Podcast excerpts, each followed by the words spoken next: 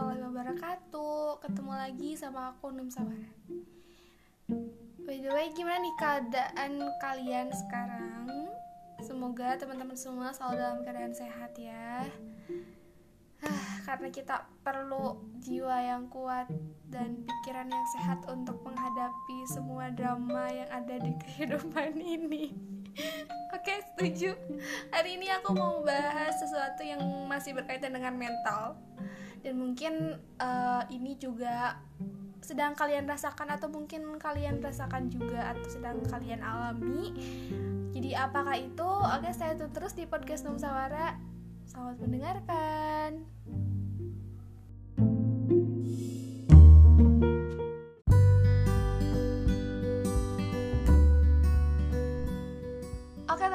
Jadi sekali lagi aku mau ngasih tahu ke teman-teman bahwa setiap aku membicarakan tentang kesehatan mental itu bukan uh, berarti aku paham tentang psikologi. Bukan berarti dulu aku kuliahnya jurusan psikolog atau sekarang aku mengakui sebagai psikiater enggak ya. Jadi apa yang aku ceritakan itu berdasarkan pengalaman aku yang dulu aku sempat berkecimpung Gak juga sih. Uh, dulu aku pernah mengalami beberapa kejadian yang masih berkaitan dengan kesehatan mental gitu. Nah uh, kemudian aku mencari materinya aku mencari teorinya aku mencari apa yang salah dalam diri aku. Dan kemudian aku uh, mencari tahu juga bagaimana cara menyembuhkannya tentunya dengan misalnya bisa konsultasi ke psikolog, psikiater atau membaca uh, apa materi-materi dari internet. Nah, kemudian aku aplikasikan nih, aku buat sebuah materi atau obrolan yang aku sampaikan di podcast ini. Kayak gitu ya. Jadi uh, semua yang aku cerita, ceritakan itu adalah sebagian besar adalah pengalaman aku sendiri yang mana mungkin teman-teman punya pengalaman yang sama dan aku mau kita bisa saling berbagi barangkali yang bisa menjadi solusi buat aku itu bisa menjadi solusi buat teman-teman juga. Nah hari ini aku mau membicarakan terkait kesehatan mental dari segi sosial media. Nah menurut aku ini cocok banget buat dibahas. Kenapa? Karena ini biasanya sering dialami oleh semua orang termasuk aku gitu dan uh, kenapa aku membahas ini karena beberapa pekan yang lalu itu aku mengirimkan sebuah opini kepada uh, apa ya media informasi tentang kesehatan mental. Nah awalnya aku bingung mau ngambil judul ke arah mana, cuman uh, aku pengen lebih relate aja sama uh, apa ya teman-teman di era sekarang gitu yang kayaknya nggak bisa lepas dari sosial media. Nah akhirnya aku cari-cari informasi juga dari YouTube, dari uh, internet gitu untuk uh, mencari tahu apa hubungannya antara sosial media dan kesehatan mental seorang gitu. Nah waktu itu judulnya judul opini yang aku buat adalah apakah terus-terusan main sosial media atau media sosial itu bisa bikin orang kena mental? ya uh, menurut aku ya kenapa? Karena uh, begini teman-teman mungkin sekarang uh, sosial media itu udah menjadi sebagian besar dari hidup kita yang kita nggak bisa lepasin dari dalam diri kita. Ya kan?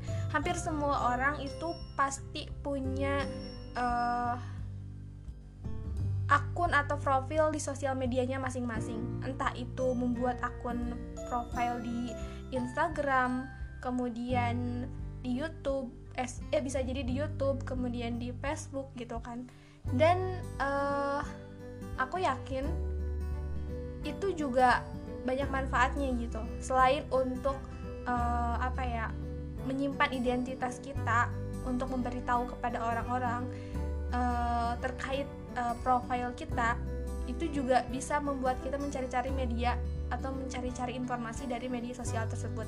Karena kan banyak banget ya informasi-informasi yang kita dapatkan dari media sosial terutama YouTube. Aku sering banget menggunakan YouTube untuk aku mencari uh, beberapa ilmu yang sedang aku uh, cari gitu.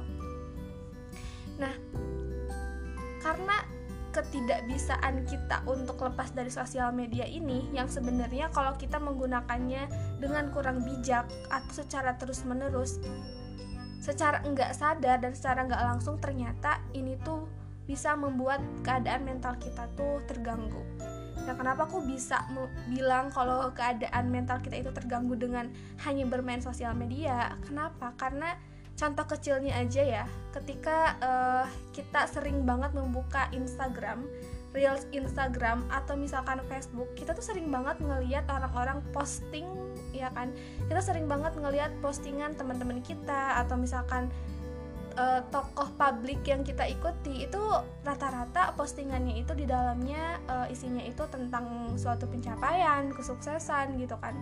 Dan hal-hal uh, yang menyenangkan lainnya seolah-olah yang mereka posting itu terlihat secara sempurna di mata kita gitu kan. Yang mungkin awalnya itu bisa membuat kita kayak uh, bisa jadi termotivasi apalagi tokoh uh, public figure yang kita ikuti gitu ya misalkan ada artis nih uh, yang kita kagumi kita bisa mengikuti uh, apa aktivitasnya gitu kebiasaan-kebiasaannya tapi kalian sadar nggak sih kalau keseringan kita melihat apa ya pencapaian orang lain kesuksesan orang lain itu lama-lama akan ada sesuatu yang akhirnya bisa membandingkan diri kita dengan orang lain. Jadi uh, efeknya adalah ketika kita terlalu banyak melihat uh, atau memasuki eh, informasi-informasi uh, yang yang tidak kita inginkan sebenarnya itu secara gak langsung kita akan membandingkan diri dengan pencapaian orang lain jadi kayak karena setiap orang itu kan yang diupload tuh kebanyakan ya hampir mungkin 70% tuh yang diupload yang bagus-bagusnya yang uh, apa ya seneng-senengnya bahagia-bahagianya gitu kan. Jadi kita tuh kayak menganggap kok aku nggak bisa ya sebahagia mereka. Kayak misalnya ada yang ada orang yang udah berkeluarga kita belum atau ada orang yang udah mendapatkan pekerjaan kita belum gitu kan. Atau ada orang yang sudah mencapai mimpinya kita belum gitu. Nah aku sering banget tuh mengalami ada di posisi itu. Dan akhirnya itu membuat aku sendiri tuh nggak konsen sama apa yang lagi aku kerjain sekarang. Karena pikiran aku tuh kayak terdistract untuk uh, apa ya untuk ingin mengikuti gaya hidup mereka gitu. Dan menurut aku itu udah nggak sehat. Seperti halnya misalnya di reels Instagram itu kita sering banget tuh ngeliat uh, postingan-postingan di mana orang-orang sedang jalan-jalan healing sana kemari gitu kan. Kayak duitnya nggak habis-habis gitu kan. Atau misalnya ada orang-orang yang kayak uh, kerjaannya keluar kota, keluar negeri gitu kan. Padahal sebenarnya kita nggak tahu proses di balik itu semua. Kita nggak tahu apa yang udah dia alami sampai akhirnya dia bisa melakukan hal tersebut gitu kan. Nah kita kebanyakan tuh uh, selalu berpikirnya kok mereka mudah banget ya untuk bisa melakukan ini. Kok mereka mudah banget ya untuk bisa melakukan apa yang mereka mau gitu kan padahal sebenarnya kita nggak bisa memandang uh, keberhasilan atau pencapaian seseorang itu dari satu sisi saja gitu karena kita yang kita tahu dan yang kita lihat itu adalah pencapaiannya saja bukan prosesnya gitu mungkin sebagian ada yang mempublikasikan prosesnya gitu tapi ya tidak semua gitu rata-rata kan orang hanya mengupload apa yang menurut dia sempurna gitu dan itu menurut aku uh, bisa menjadi sesuatu yang bikin kita tuh nggak nyaman. Nah, ada beberapa uh, apa ya? Aku nggak bisa bilang kalau ini kelainan ya.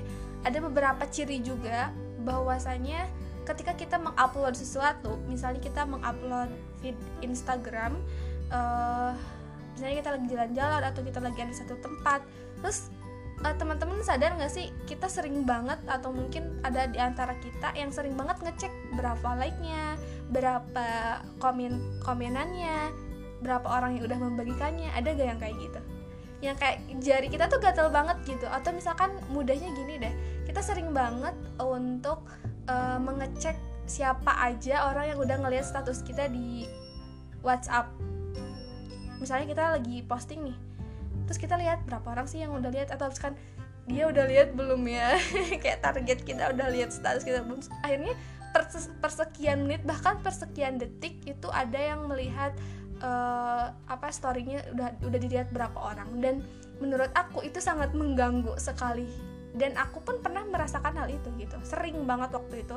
Kayak bolak-balik sosial media untuk ngecek siapa aja yang like siapa aja yang memberikan. Dan ada kepuasan tersendiri di dalam diri kita yang ngerasa bahwa wah nih aku banyak disukai orang wah postingan aku ini ternyata banyak menarik perhatian orang. Nah hal-hal kayak gini yang akhirnya membuat kita tuh candu banget sama, yang sama yang namanya sosial media. Dan menurut aku ini gak sehat.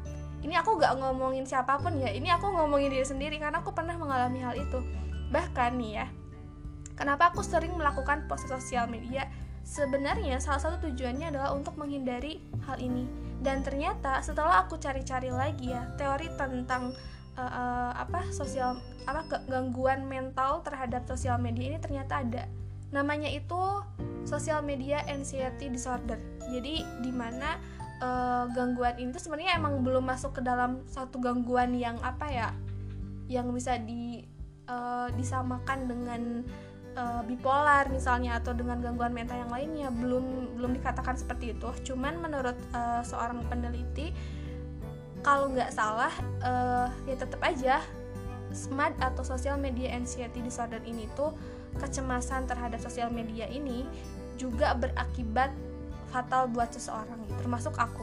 Nah, aku juga mengalami hal ini gitu waktu itu ketika belum menerapkan post sosial media tuh kayak aku bisa bolak-balik uh, buka apa Instagram, bisa bolak-balik buka Facebook gitu dan yang lainnya. Dan uh, menurut penelitian juga ketika kita banyak mempunyai akun di beberapa sosial media kayak misalnya di Instagram punya, di Facebook punya, Twitter juga punya, itu semakin membuat keadaan mental seseorang tuh semakin tertekan gitu. Nah, uh, dan benar, aku pun merasakan hal itu waktu itu gitu. Jadi uh, ya kecemasan berlebih terhadap sosial media ini sebenarnya mungkin sebagian orang pernah mengalami atau mungkin sedang mengalami.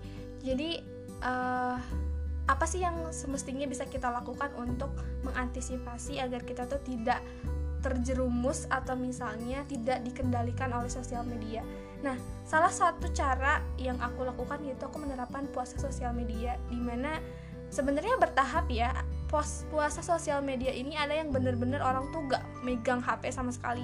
Ada yang gak buka Instagram sama sekali, misalnya ada yang gak buka YouTube sama sekali. Jadi dia sama sekali gak main sosial media tapi bagi aku sendiri tuh aku belum mampu untuk melakukan itu. Jadi puasa sosial media yang aku lakukan adalah uh, aku membatasi diri untuk tidak mempublikasikan apa yang aku apa yang sedang aku lakukan gitu. Jadi kayak aku tetap mengikuti informasi di media sosial aku tetap buka Instagram. Tapi Instagram yang aku buka adalah Instagram yang mana akunnya itu hanya beberapa aja yang aku follow.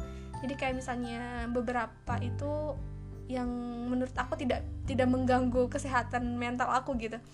Dan nggak ada jarang jarang ada temen jadi kayak kita bikin uh, second account di Instagram atau di sosial media yang lainnya yang menurut kita itu aman-aman aja gitu untuk dibuka. Jadi sekedar untuk mencari informasi-informasi uh, positif yang lainnya gitu.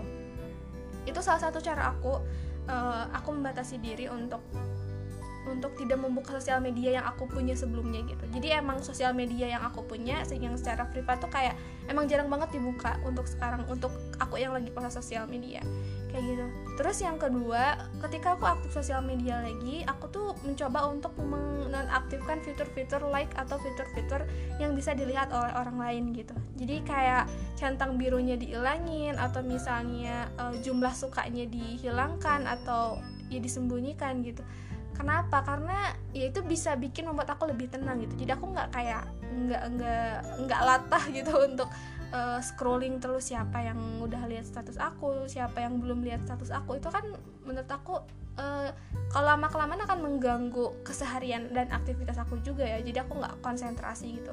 Makanya aku berusaha untuk mematikan fitur-fitur itu gitu kan. Dan uh, ya mungkin apa ya bagi teman-teman yang bisa mengontrol sosial media it's okay sih nggak apa-apa. Cuman untuk aku pribadi aku belum bisa mengontrol diri aku ketika aku bermain sosial media. Makanya hal-hal yang aku lakukan di luar itu ya aku berusaha untuk mencari cara diri cara untuk gimana supaya aku tuh bisa yang namanya tenang dan bijak dalam menggunakan sosial media gitu. Meskipun aku sebenarnya tuh masih belajar banget untuk hal itu. Kayak misalnya di awal pertama tuh aku dua bulan eh sorry tiga bulan tidak main sosial media maksudnya tidak mempublikasikan tapi aku tetap uh, aktif sosial media.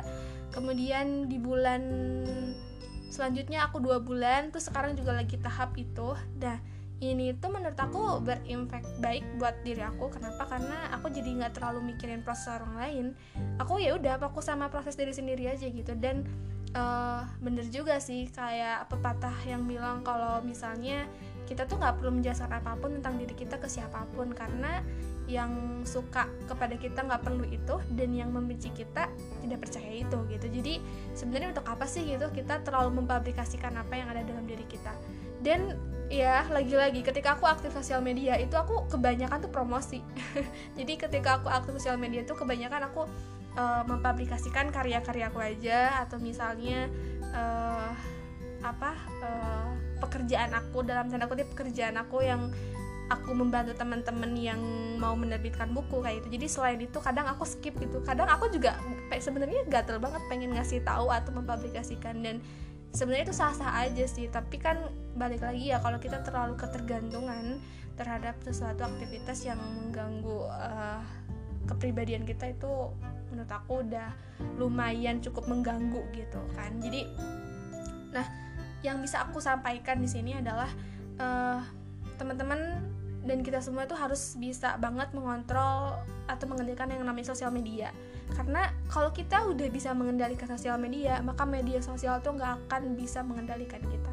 Nah itu pesan dari aku teman-teman. Jadi buat uh, mungkin ya buat teman-teman deket aku buat teman-teman musyawarah kayaknya udah nggak aneh kalau aku tuh bisa bisa tiba-tiba ngilang dua bulan bisa tiba-tiba ngilang tiga bulan. Tapi bukan berarti aku tuh menghindar dari semua ya enggak uh, nomor WhatsAppku masih tetap aktif.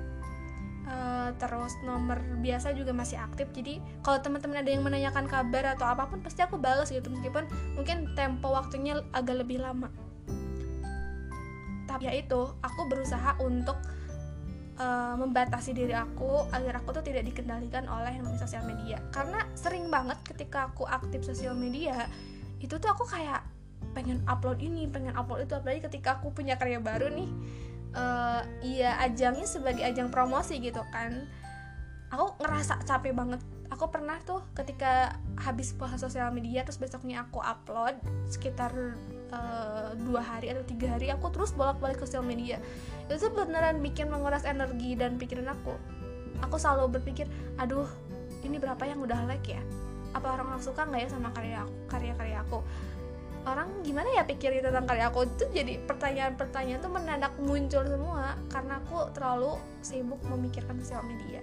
Nah bagi teman-teman yang mungkin bijak bisa bijak dalam menggunakan sosial media uh, mungkin teman-teman sendiri punya cara tersendiri gimana caranya teman-teman uh, bisa menggunakan akun teman-teman. Dan menurut aku kita harus bijak sih karena ya banyak orang juga yang malah menyalahgunakan sosial media itu sendiri oke mungkin hari ini pembahasannya cukup uh, kompleks tapi aku gak bisa panjang-panjang mungkin bisa aku bahas di next time di episode yang lain Oke, terima kasih sudah mendengarkan. Sehat selalu teman-teman semua. Wassalamualaikum warahmatullahi wabarakatuh.